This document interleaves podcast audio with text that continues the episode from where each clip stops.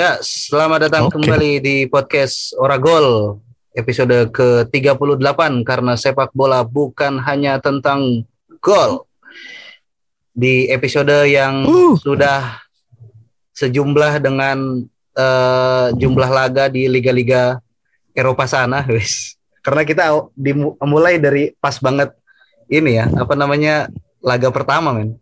Kalau diingat-ingat mulai setelah apa namanya setelah eh Qatar ini membunuhku kan itu kan ada spare waktu berapa tuh gitu kan Leo apa namanya skip ke Piala Eropa habis itu selesai Piala Eropa ada musim baru di pekan pertama kita mulai tapi liga-liga sana belum selesai kita sudah 38 duluan gokil Anjay.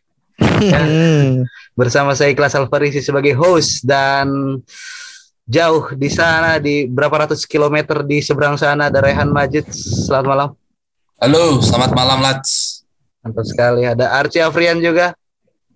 Halo, halo, halo. Ada di pusat kriminalitas Yogyakarta. Matane. Kota gede. Gimana aman sih kota gede Ji? Aman dong. Aman ya. Ya orang-orang kayak Anda kan bukan ini kan. Bukan target. Bukan, bukan target. Kalau gue gimana Han? Ya, 10 10 hari terakhir bulan Ramadan ya. Ya kalau misalnya secara pribadi sih ya laporan-laporan di kantor mulai di garap dan nanti di akhir minggu ini bakal ada rapat bulanan. Terus selain itu juga ya seperti yang kalian tahu yang ngurus organisasi, Syekh. Cielah. Ya, yang pasti eh, tahun ini dan tahun-tahun selanjutnya eh, kita bertiga ini resmi menjadi mas-mas yang mengkonsumsi dana THR. Sih. selalu, selalu ya selalu mengharapkan gitu kayak udah masuk wah udah minggu terakhir nih gitu. THR-nya apa nih gitu ternyata Shopee Pay doang dan dan tapi, tapi kalau UMR Jogja sih nggak apa-apa. iya ya nggak apa-apa sih gitu kan sekarang juga kan ya uang digital kan udah nggak hal yang asing ya gitu dan bener kata Rehan ya yang di apa kita pas bertiga ngobrol di Burjo minggu lalu itu ya sebagai sebuah yayasan dan cuman komunitas nirlaba itu ya orang-orang di dalam juga berhak diberi THR gitu. Bukan Radio THR Buku- sih sebetulnya, secara fundamental juga perlu diperhatikan kesejahteraannya sebetulnya. Betul, radio buku juga seperti itu yang perhatikan orang-orang ya. Walaupun tampaknya adalah volunteer relawan mati tapi di akhir akhir ini wah dicolek-colek untuk mengirimkan rekening lumayan. Terima kasih Gus. Asik. Dan lumayan itu untuk untuk ya ya cukup inilah cukup cukup mengagetkan karena tidak ada ya kita kan bukan pekerja formal yang ada taken kontraknya dan tahu nominal berapa yang harus kita terima gitu kan itulah ya jadi dan kita di malam hari ini rekaman secara LDR ya, lewat satu aplikasi pertemuan yang sudah menjadi eh, populer semenjak pandemi Tinder. Zoom anjing. Oh, itu Salah server gue. itu populer di skenamu kayaknya Ci. Bisa kena lengket-lengket tuh terkenal. kalian kalian aja nggak mau download. lah anda kan mendownload atas motivasi dari siapa Oh, iya. bahan percobaan anjing. ya gitulah ya buat teman-teman yang dengerin juga semoga 10 hari terakhir di bulan Ramadan semakin khusyuk ya entah khusyuknya ngapain entah itu ibadah dan dan kegiatan-kegiatan lainnya. Tapi ya mudah-mudahan sehat selalu dan kita langsung aja ya nggak mau banyak basa-basi. Aku ke distract sama briefingnya Rehan di awal nih. Jadi kita langsung masuk saja eh, untuk eh, recent update yang udah banyak terjadi karena ini juga delay juga episodenya banyak yang terjadi di eh, di sepak bola liga-liga top 5 terutama. Ada PSG yang udah resmi menjadi juara Liga Prancis Messi Mbappe Neymar dapat piala bareng-bareng gimana menurut kalian Ah, udah ketebak sih itu. Apa coba? Apa yang menarik? Malah kalau menarik mereka nggak dapat juara. ya, kalau aku sih secara pribadi terlepas dari memang itu disebut sebagai Liga Petani dan kayak udah tadi Archie bilang ya udah ketebak tapi sebetulnya aku sekarang lebih memperhatikan sepak bola tuh ya harus seperti itu.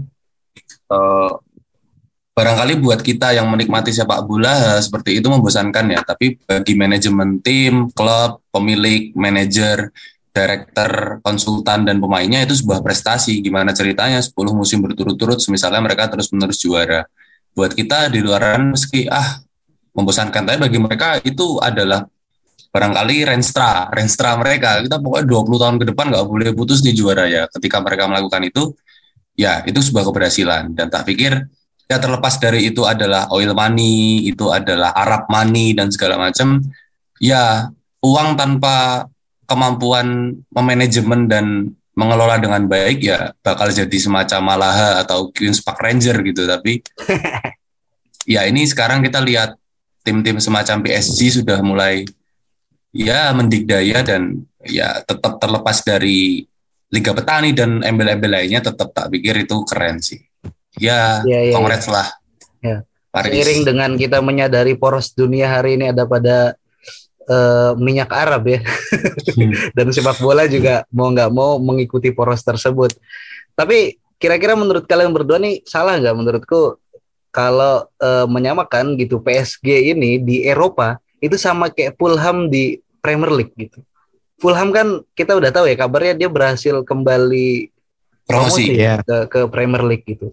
Dan dia dipandang ya jadi kayak tim katrol aja gitu, naik turun naik turun dan dipandang dia tuh terlalu tangguh untuk tim-tim kasta kedua tapi terlalu cupu gitu Lemah. untuk tampil di Premier League sama kayak PSG kayaknya. Ya.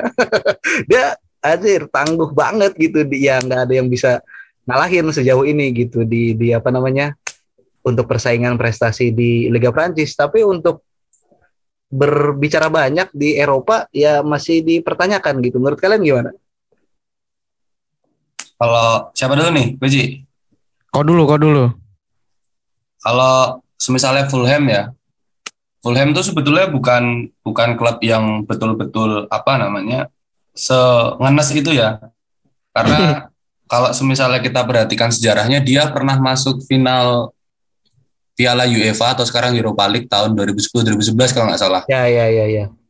Di final mereka kalah sama Atletico Madrid generasinya Falcao dan kawan-kawan.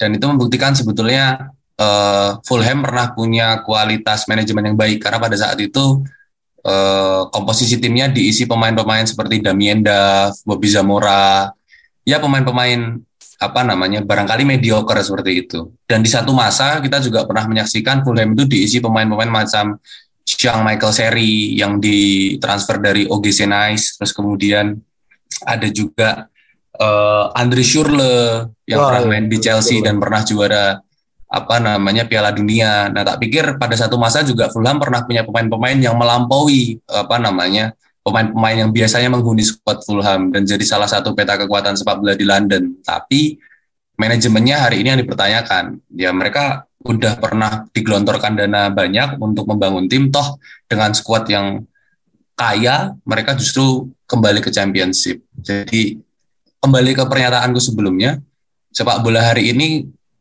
manajemen itu penting. Nanti kita nyambung di MU juga tuh soal manajemen. Ya, ya, ya, ya, ya. Kayak gitu sih. Gimana, sih? Gimana sih? Ya enggak aku enggak enggak terlalu menarik sih tentang PSG dan Bayern Munich ya yang Bayern Munchen aja 10 tahun berturut-turut loh sebagai juara liga kayak gitu. Uh. Kayak kayak kayak nggak menarik menurutku karena aku kan butuh persaingan ya. Ya, butuh ya, ya. adrenalin terpacu gitu. Uh. Orangnya kayak gitu kan jadinya kalau ngelihat ya sepaneng-paneng pokoknya tiba-tiba juara kayak gitu nggak menarik sih. Jadi aku hmm. iya iya iya. Enggak enggak benar-benar menikmati. pertanyaan yang jadi asing banget gitu trivia kemarin tuh. Apa namanya ada pertanyaan di register trivia tuh. Siapa klub terakhir set, apa selain Borussia Dortmund dan Munchen yang berhasil menjuarai Bundesliga? Itu pada gak tahu aja Wolfsburg nah, iya kan? Schalke bukan sih? Hamburg. Eh, apa Wolfsburg. namanya? Wolfsburg ya? Schalke. Bukan. Schalke. Hamburg SV.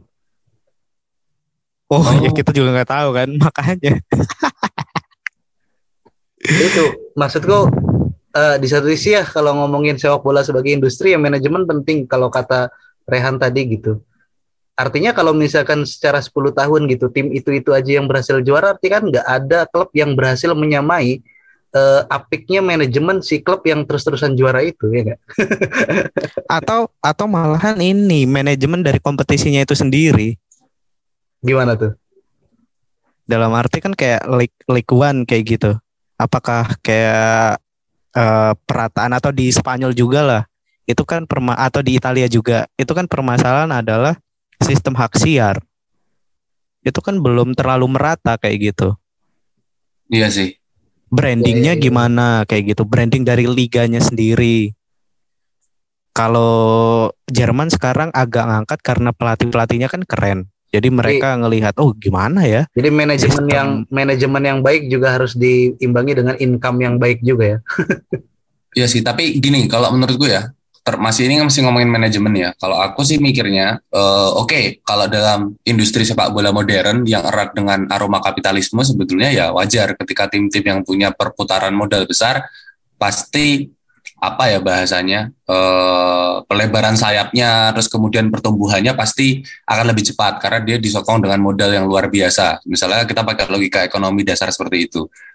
Tapi lebih dari itu eh, apa pun ceritanya ini sepak bola gitu sepak bola. Eh, modal penting tapi ya itu bukan segala-galanya menurutku. Karena kalau misalnya kita lihat Bundesliga semisalnya ya banyak tim-tim yang sebetulnya sempat punya stabilitas ekonomi yang baik, punya sumber daya dalam hal ini pemain yang baik, tapi kemudian hari ini gugur satu persatu. Misalnya kita lihat Schalke 04, Schalke 04 yang kemudian hari ini main di Bundesliga 2, dia salah satu tim yang apa ya kalau kita tahu sendiri dia salah satu tim besar di Bundesliga dia punya sejarah derby yang luar biasa sama Borussia Dortmund tapi kemudian aku pernah baca artikel tentang Schalke 04 itu dia punya manajemen transfer yang sangat buruk. Pemain-pemain kuncinya dijual dengan harga murah bahkan gratis gitu karena manajemennya nggak mampu berpanjang dan segala macam. Akhirnya apa?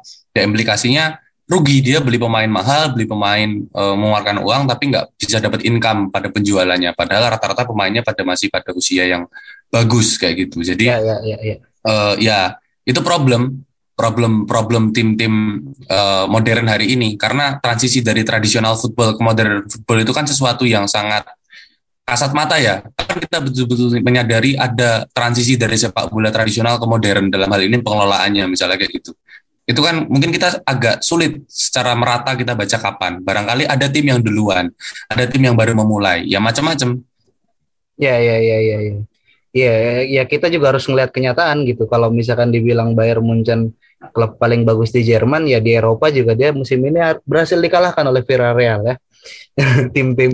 Iya. makanya. Ya tim yang dibilang ya kalau tim Villarreal kan di La Liga juga di papan tengah gitu mediocre gitu. Yang tapi dia berhasil apa namanya ya di per 90 menit pertandingan gitu yang mempertemukan klub yang dibilang manajemennya bagus sama tim yang dibilang mediocre tapi tetap kalah hasilkan Villarreal gitu sebagai tim yang dibilang mediocre menang gitu. Nah, gini ngomong-ngomong tim mediocre juga di Spanyol ada tim yang dibilang mediocre tapi justru memenangi Copa del Rey. ada klub asal Sevilla Real Betis yang oh wah, kira ya. Barcelona. yeah. Bukan dong. Bukan dong.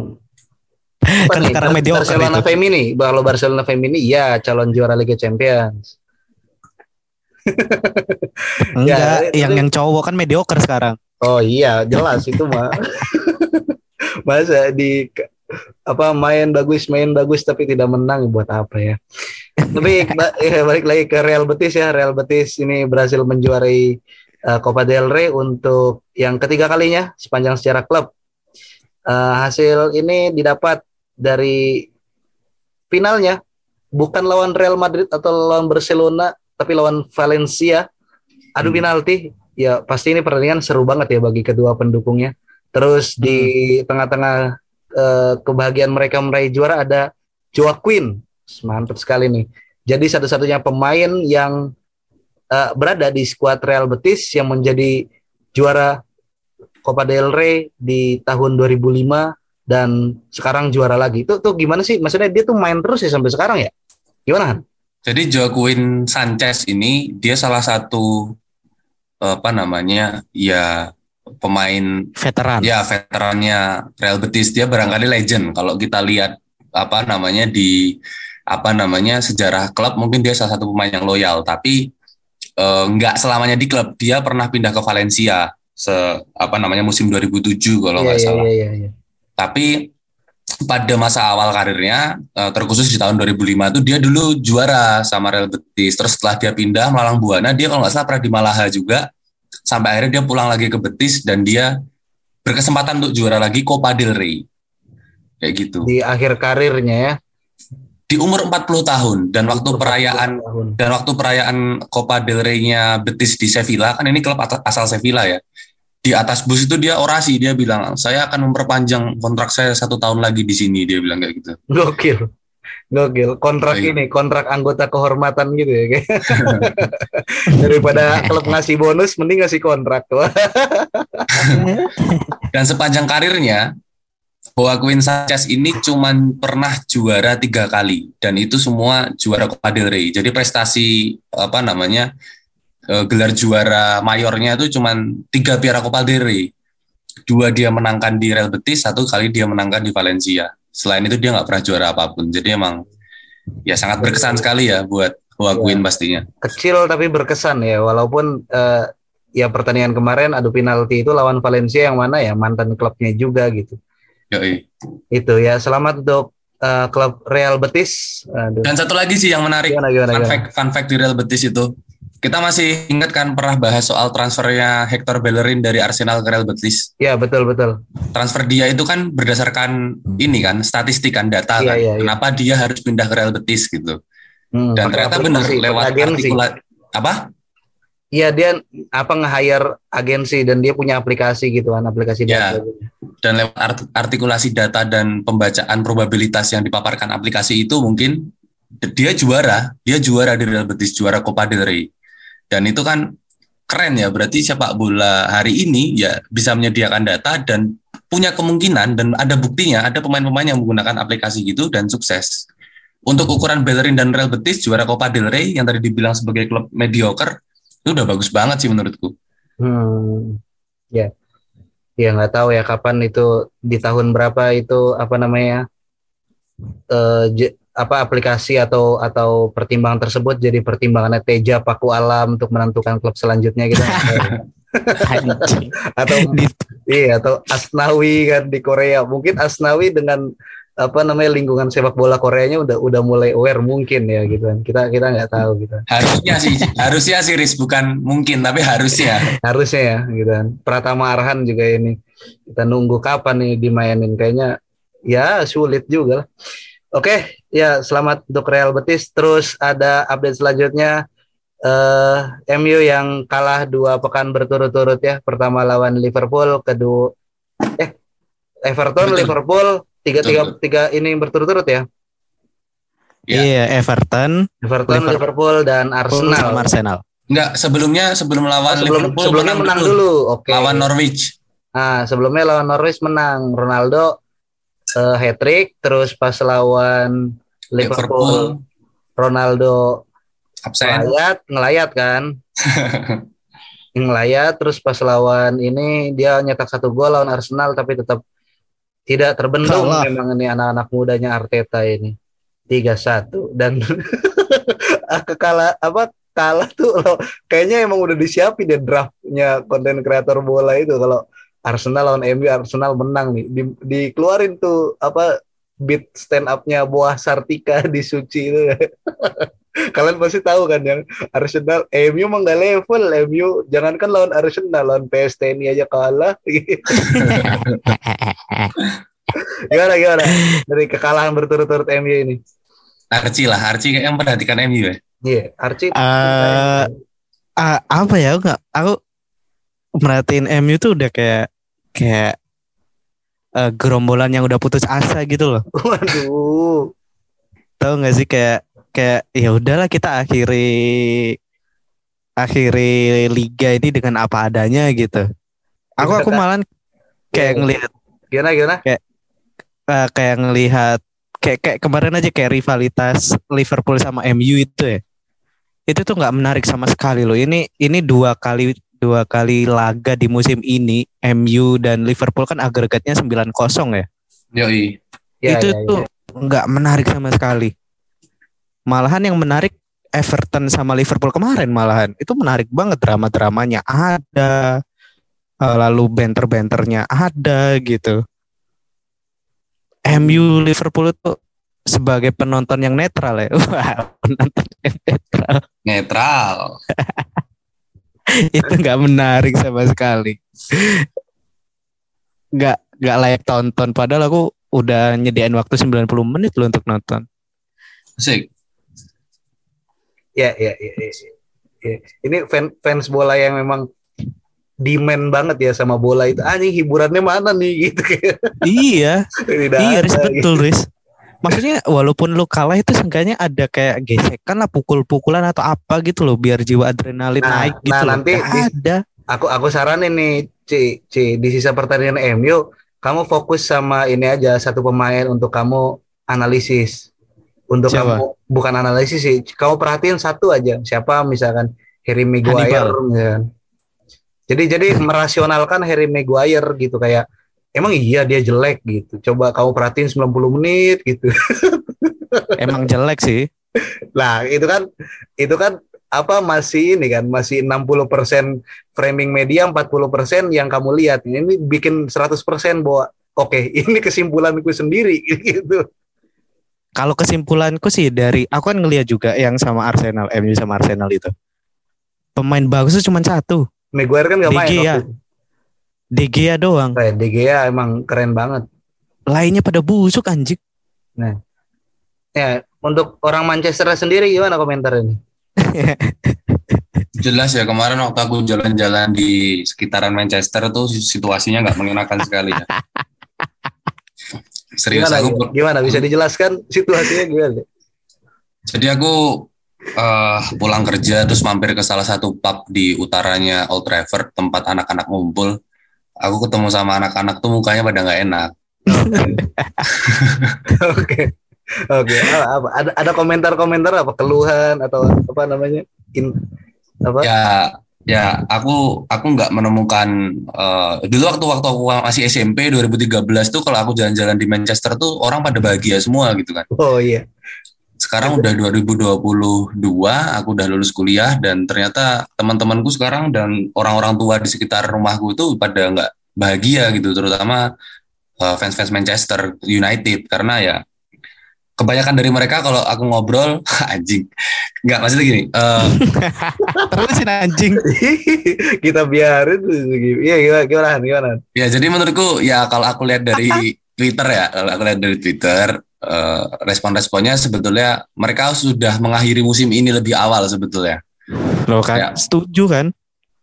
Iya maksudnya tak dan dan dan tak pikir itu itu make sense gitu ketika mereka ini udah nggak bisa ditonton lagi United ini udah nggak bisa ditonton karena memang itu di luar di luar standar ya. Kalau kita ngomongin tim-tim besar itu kan yang dibuat patokan sebesar apa? Sebuah tim itu kan standarnya kan dan ini udah jauh dari yang sebetulnya tak rasakan dari Manchester United kayak gitu makanya dalam uh, satu bulan terakhir seperti yang disampaikan sama Scott McTominay di post match interview waktu lawan Arsenal uh, aku nggak akan memberikan pembelaan apa pun, tapi seharusnya semua pemain yang hari ini ada di lapangan pulang dan berkaca gitu, lihat di kaca gitu, kontemplasi gitu. Pikirin lagi, ngapain kita selama 90 menit lari-lari di lapangan, kita nggak punya tujuan apa pun gitu. Dan tak pikir itu sebuah pernyataan yang jujur dari seorang Scott McTominay ya, seorang pemain yang lahir dari Akademi Manchester United dan pasti dia tahu kan sebetulnya klub ini mau ke mana dan realitasnya bagaimana. Dan kemudian Raf Ragnik juga bilang ya setelah pertandingan ini harapan untuk empat besar sepertinya sudah pupus kayak gitu. Dan hmm. memang kalau saya bisa bilang Manchester United punya punya fasilitas pelatihan yang baik, dia punya manajemen yang luar biasa, kita punya salah satu supporter terbaik di dunia barangkali, tapi kita menampilkan sesuatu yang bertolak belakang dari semua itu. Kalau misalnya setiap orang punya apa namanya kemauan yang sama untuk berubah, saya pikir tidak perlu dua atau tiga tahun, satu tahun pun kita bisa kembali. Ragnik bilang kayak gitu, dan itu menandakan ya semua orang di Manchester United hari ini terkhusus pemainnya barangkali sudah kehilangan desire, sudah kehilangan gairah untuk bermain lebih yeah, lanjut yeah, yeah. mau ke mana gitu dan uh. memang uh frustasi banget sih. Terlebih uh, Harry Maguire dapat ancaman peledakan bom di rumahnya dan segala macam yeah, itu kan yeah, berarti kan udah iya nggak bener sih itu. Iya udah udah sejauh itu barang bayangkan aja di media digempur sana sini oleh fansnya sendiri dicemooh, oleh legend-legendnya dicemooh, oleh fansnya sendiri mau diancam peledakan bom, terus kemudian kehilangan empat besar, gugur di Champions League, gugur di FA Cup, gugur di League Cup, dan ya itu wajah Manchester United hari ini. Makanya ketika Archie berharap entertain dari sepak bola yang dihadirkan oleh Manchester United, tak pikir uh, itu salah besar ya. Manchester United nggak bisa menghadirkan entertaining apa pun. Mohon maaf.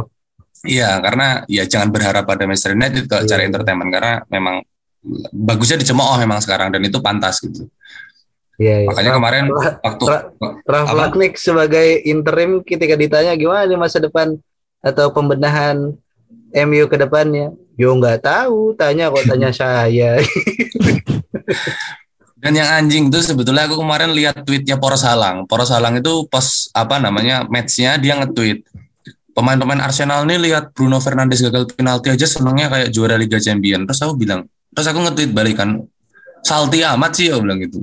Kalah mah kalah aja emang MU lagi bapuk. Nah maksudnya masih masih ada fans masih ada fans yang kemudian ini bukan perkara cinta loyal atau enggak ya tapi ya sebagai orang yang cinta itu kan harusnya kan sadar kan maksudnya ya ini ini nggak nggak benar gitu. Maksudnya kamu di situasi kalah dan kayak gini kamu masih mengomentari tim lain yang merayakan kemenangan gitu. Itu kan menandakan kita sudah pada posisi yang sangat rendah kan. Ngeliat orang lain bahagia aja susah gitu. Itu kan iri dengki sudah mulai menjalar di hati fans MU segitulah. Kita lihat aja lah musim depan Erik Ten Hag yang udah dikontrak dari Ajax nih bisa ngapain kan. Iya iya iya. Nah, update-nya nah, di nah, minggu nah ini gimana gimana gimana? tunggu dulu. Ini ini kebanyakan kan entah itu framing media atau apa pun itu kayak kayak dan eh apa namanya uh, beberapa pemain MU yang diwawancara kan juga kayak gitu. Ketika bilang ya uh, bagaimana musim ini? Ya kita musim ini akan terus maksimal tapi pas ditanyain Ten Hag apa namanya masuk? Kayak gitu mereka lebih bersemangat gitu. Kayak kayak ya ya kayak emang tahun musim ini udah kayak dilepas gitu kayak sosokan yeah, iya, musim yeah. depan kayak gimana kayak gitu. Iya, karena karena yeah. kabarnya ya kita nyambung ke update selanjutnya nih ya apa musim depan bakal diambil alih ya kursi kepelatihan oleh Erik Ten Hag. Sang udah sah, pelatih udah udah Herwigo yang kan? sudah mengorbitkan banyak pemain-pemain ya. Iya, iya. Persoalannya udah kalau menurutku kan? stand apa namanya dia dia bakal bisa beradaptasi nggak dengan ekspektasi dan dan apa namanya ya eh, beban yang yang ditimpakan oleh dirinya ketika apa namanya nanti jadi komandannya MU gitu. Maksudku men menurutku ya, menurutku subjektifku Erik Ten Hag ini ya di Ajax ya cuman kayak apa sih namanya pelatih akademi gitu. yang yang mungkin dia ya apa namanya di Eropa itu seingatku prestasinya ya semifinal Liga Champion kan semifinal Liga Champion ya, betul. dan uh, juara apa juara beberapa kali R divisi gitu. Tapi kan yang yang dijadi sorotan adalah uh, taktik permainannya gitu dan or peng, apa namanya berani mengorbitkan banyak pemain-pemain yang yang yang akhirnya sekarang jadi bintang juga di di banyak klub besar, Frenkie De Jong, terus siapa namanya? Hakim Ziyech. Hakim Ziyech dan lain-lain lah dan kawan-kawan itu. Gimana menurut Man Erik Ten Hag nih? Ya tak pikir kalau misalnya pelatih baru punya ekspektasi yang besar, tak pikir semua pelatih bahkan pelatihnya Persija yang baru siapa namanya? Lupa aku. Itulah mantan, saya nggak nggak update lah info ya, mantan pelatihnya Borussia Dortmund itulah. Ya tak pikir semua pelatih pasti punya porsi uh, apa namanya ekspektasinya masing-masing ya. Tapi kalau Erik Ten Hag, uh, ya kalau tadi Arci bilang framing media, tak pikir ya sama ya, Cik ya. Rasa-rasanya kayak dulu pas Raf Ragnik masuk ke MU terus kayak ini gurunya Tuchel sama Klopp iya. ya adalah sang peletak fondasi sepak bola Jerman modern dan segala macam ya. Pasti untuk klub sebesar Manchester United pasti akan ada bahasa-bahasa seperti itu. Tapi dengan kontrak tiga tahun, ini ini aku justru surprise ya. Erik Ten Hag nggak dikasih long term yang kayak empat atau lima tahun, tapi tiga tahun gitu. Jadi aku aku ini analisis bodoh aja sih. Analisis bodoh gue adalah uh, Ten Hag nggak mau langsung dikasih uh, kontrak panjang karena sebetulnya dia juga uh, apa namanya mau penjajakan dulu gitu loh selama selama tiga tahun ini se, se, seluas apa Ten Hag bisa uh, bahasanya mengkoordinir tim gitu nggak cuma sebatas melatih tapi yeah, kemudian yeah, iya. kebijakan yeah. transfer dan scoutingnya kayak gitu jadi ya kalau kita lihat ke depan bagaimana ya wallahu alam ya kita nggak akan tahu gimana. Tapi yeah, yeah, yeah. analisis singkatku adalah Erik Ten Hag ini yang paling fundamental adalah dia salah satu pelatih yang tak pikir. Nanti ini yang ke Johan Cruyff ya. Dia salah satu pemain yang eh salah satu pemain salah satu pelatih yang punya komitmen terhadap sepak bola yang indah. Di salah satu interviewnya tahun 2020 dia bilang ya menang itu penting tapi bermain baik bermain indah dan kemudian menang itu juga tidak kalah penting dia bilang kayak gitu. Jadi itu komitmen pertama yang kemudian membuat MU tak pikir tertarik kedua dia punya yang seperti Faris bilang dia punya komitmen yang baik terhadap pemain muda dan itu kan menjadi salah satu identitinya United dari class of 92 terus kemudian class of 2008 dan segala macam ya tak pikir akan ada kelas-kelas berikutnya yang bakal diorbitkan sama Ten Hag. Tapi terlepas dari semua itu sebetulnya yang patut ditunggu kalau menurutku daripada jauh-jauh membicarakan soal trofi yang uh, sebanyak apa akan dihadirkan, aku lebih menanti revolusi tim seperti apa yang bakal dia lakukan. Siapa pemain yang akan dibuang, siapa pemain yang akan dijual, siapa pemain yang akan disingkirkan, dan siapa pemain-pemain baru yang bakal didatangkan. Karena itu lebih akan memudahkan kita untuk membaca orang ini mau ke mana. Karena tak pikir Ragnik hari ini kesulitan menghandle United karena dia mewarisi skuad yang itu fit pada masanya Ole. Aaron Wan Bisaka, terus kemudian Scott McTominay sama Fred dan segala itu kan skema-skemanya Ole bukan skemanya uh, Ralf Ragnik. Jadi uh, yang paling penting untuk membicarakan sebuah uh, tim dengan pelatih baru mau ke mana itu sebetulnya dari kebijakan transfernya. Itu aja Betul. sih. Kayak kita lihat Klopp dari zaman nah, awal klub masuk kayak satu-satunya pemain yang masih bertahan sampai hari ini kan Jordan Henderson ya Ci ya. Iya iya ya, ya. Henderson sama Milner doang. Sama Milner. Nah, itu kan bisa kita baca kenapa yang dipertahankan sampai sekarang Henderson sama Milner. Kenapa? Pasti ada alasannya, pasti ada kontinuitas berpikir yang apa namanya kemudian oh orang ini jangan dibuang gitu. Tapi yang lain-lainnya kan dibuang kan Mamadou Sakho, hmm. Denny kontroversi juga waktu ngelepas Coutinho ya apa-apa nah, gitu. ya bahkan ngelepas Coutinho gitu ya sama hari ini kabar-kabarnya Marcus Rashford mau eh, nggak uh, dibuang sih, tapi katanya tidak masuk skema permainnya Ten Hag. Ya, tak pikir itu bakal mengejutkan semua fans mengingat Marcus Rashford adalah unsung hero dan kemudian adalah match board and red dan segala macam. Jadi ya kalau misalnya dia pun dijual, ya tak pikir ya wes kayak gitu sih. Iya. Unik ya kalau misalnya kita nanti apa dapat update Marcus Rashford seorang pemain Iya kan. MU terus dia orang Inggris gitu kan timnas hmm. Inggris yang orang Manchester gelar, asli gelar bangsawan dari Ratu Elizabeth tapi mainnya di Atalanta. Tiba-tiba pindah ke liga luar gitu ke luar Inggris. Eh. Maksudnya bangsawan Inggris yang lagi diasingkan. diasingkan. eh Riz, Riz, eh Riz, eh Han. Oi. Kalau orang Liverpool asli kan namanya Scouser ya?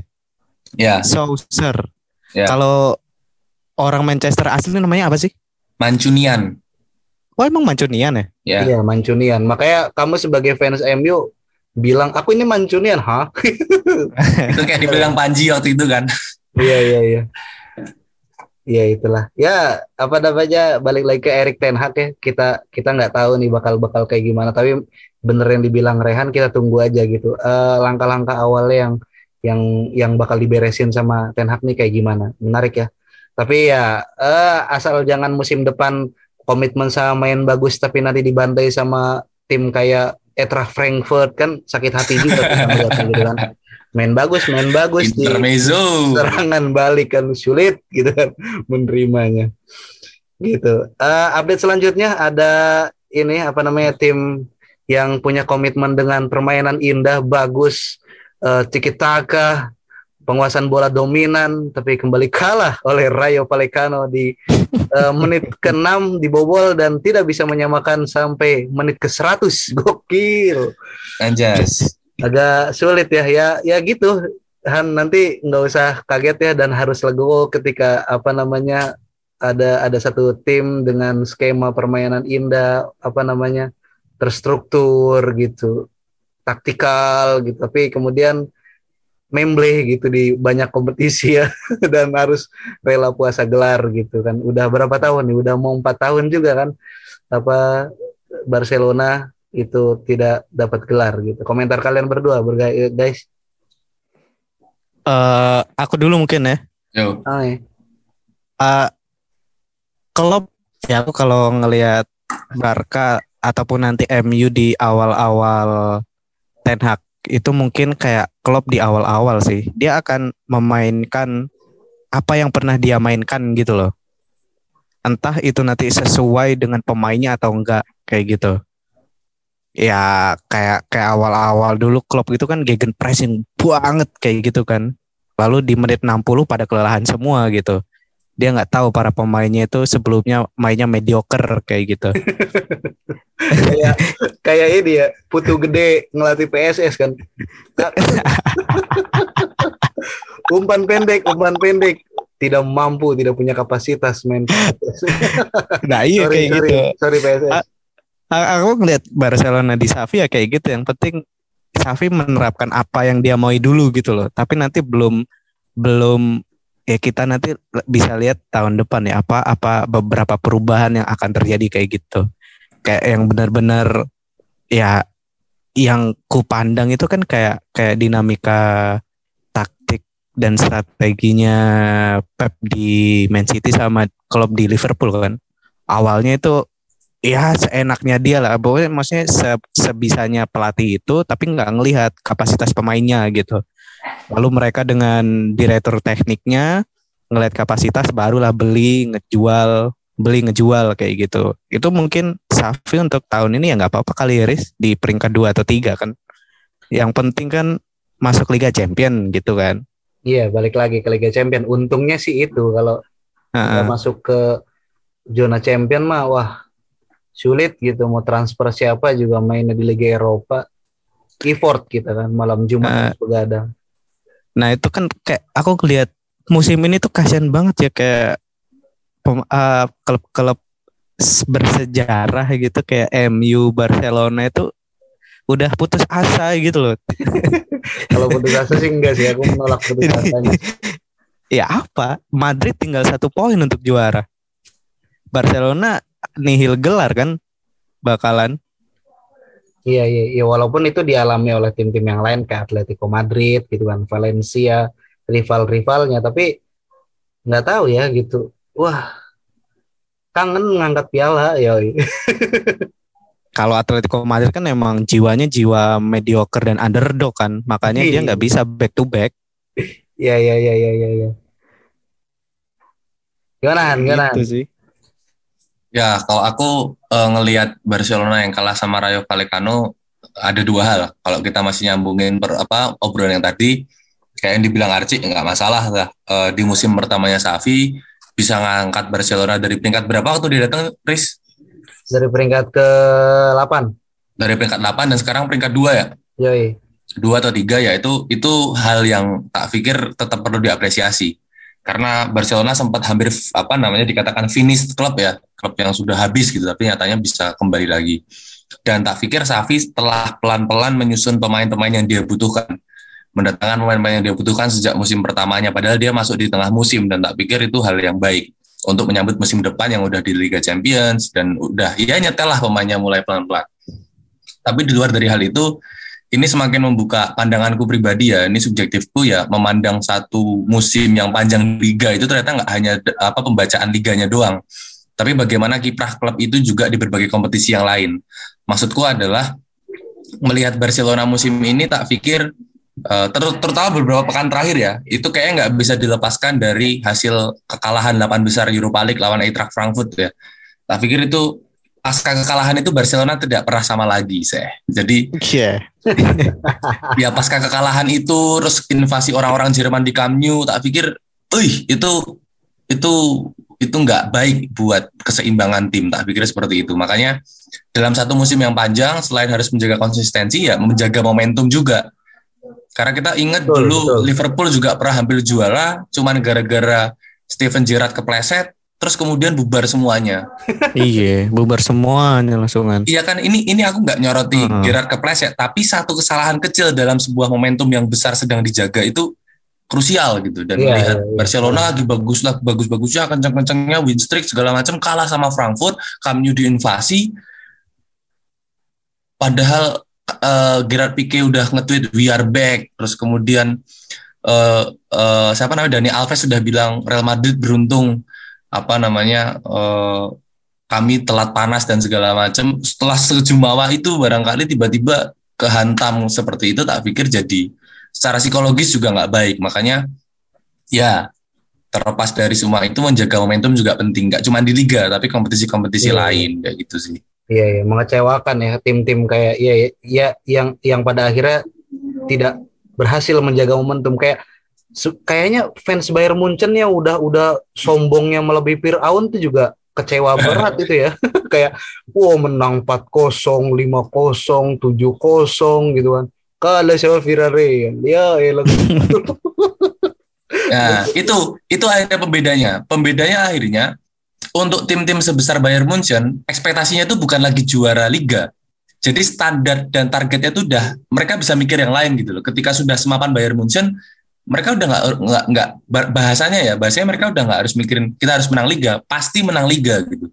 Jadi apa yang dipikirkan oke kita sekarang main statistik. Oke kita sekarang terbuka dengan data. Oke sekarang kita terbuka dengan apa namanya apa dan segala macam. Terus kemudian ter target lebih jauhnya kita mendominasi Eropa dan segala macam. Akhirnya cara berpikir tim dan manajemennya meningkat. Nah ketika tim masih tersiak-siak di liga masih berjuang empat besar boro-boro mau ngomongin Liga Champion, ngomongin memperbaiki tim aja mereka kelimpungan gitu. Makanya akhirnya terlihat berbeda. Fans Bayern Munchen meskipun juara uh, Bundesliga, mereka tetap merasakan musim ini adalah musim yang menyedihkan karena mereka kalah di uh, Liga Champion dan kalahnya dari Villarreal gitu ya, ya, ya, ya. akhirnya juara Bundesliga pun nggak kerasa lagi karena itu sudah habit juara itu udah habit juara di domestik.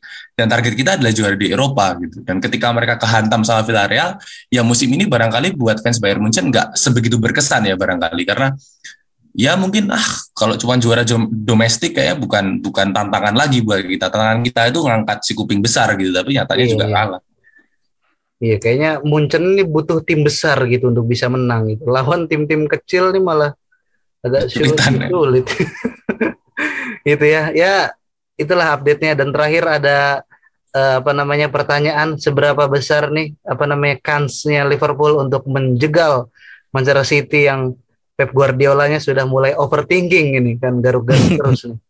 Ya, aku ya, kalau kalau aku harap sih ya menang menang menang tapi masih terus ketat membuntuti Manchester City. Gimana sih? Sorry tadi kepotong. Kalau kalau aku harap sih De Bruyne nanti bisa kepleset ya kayak Gerard dulu. kayak kesalahan kecil itu kan kayak kayak bisa ini bisa berakibat fatal kayak gitu ya. Yoi. Ini ini ini menarik sih. Ini pokoknya Liga Italia antara pokoknya kan yang menariknya cuma dua liga ya yang tersisa. Liga ya. Inggris, yeah. eh, Man City sama Liverpool sama Liga Italia. Dua Milan, AC Milan sama Inter Milan. Ya, karena gitu. Madrid udah berapa belas poin jauh ke mana-mana. Iya. Nah makanya ya tinggal dua itu sih itu menarik sampai akhir dan dan bisa ditonton dengan baik lah.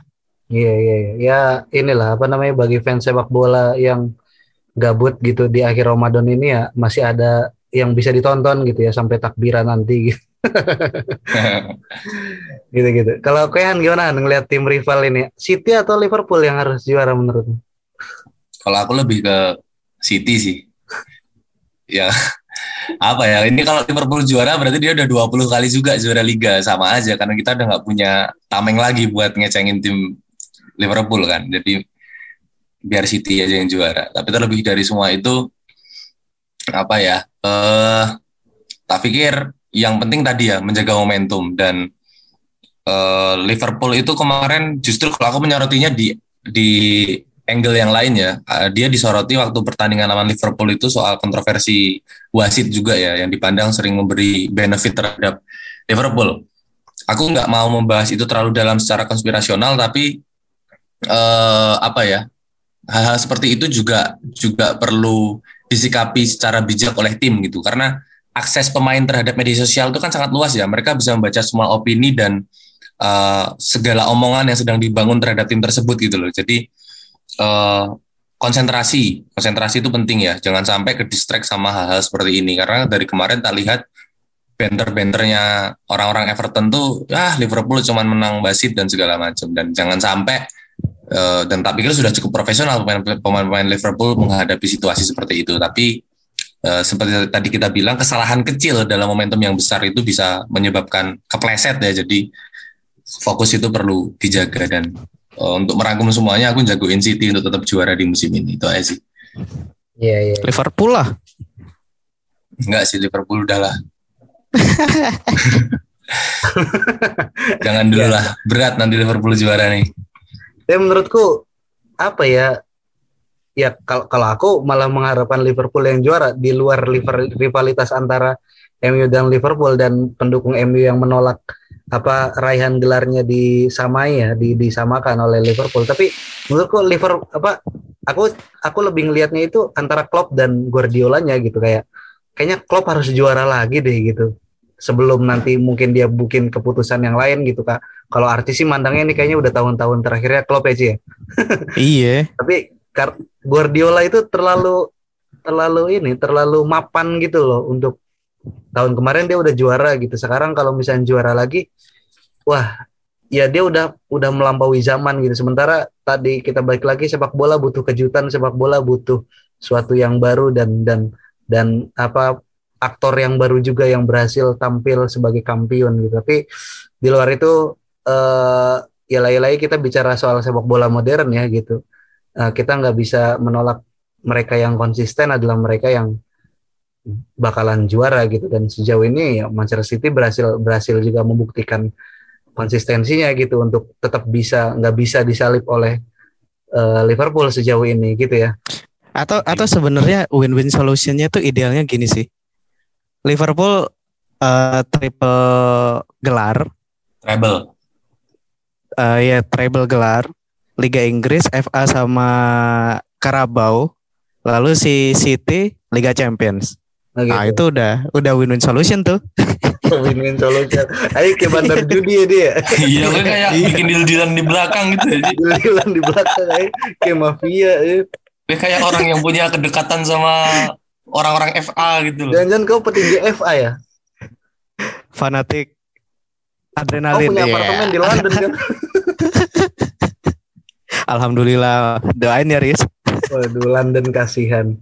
Ya itu London aja ya. Kasihan. Uh, kita bakal ketemu lagi di segmen kedua untuk ngobrolin gurunya Pep Guardiola yang sedang haul ke berapa puluh tahun ini. Ciao. Ciao.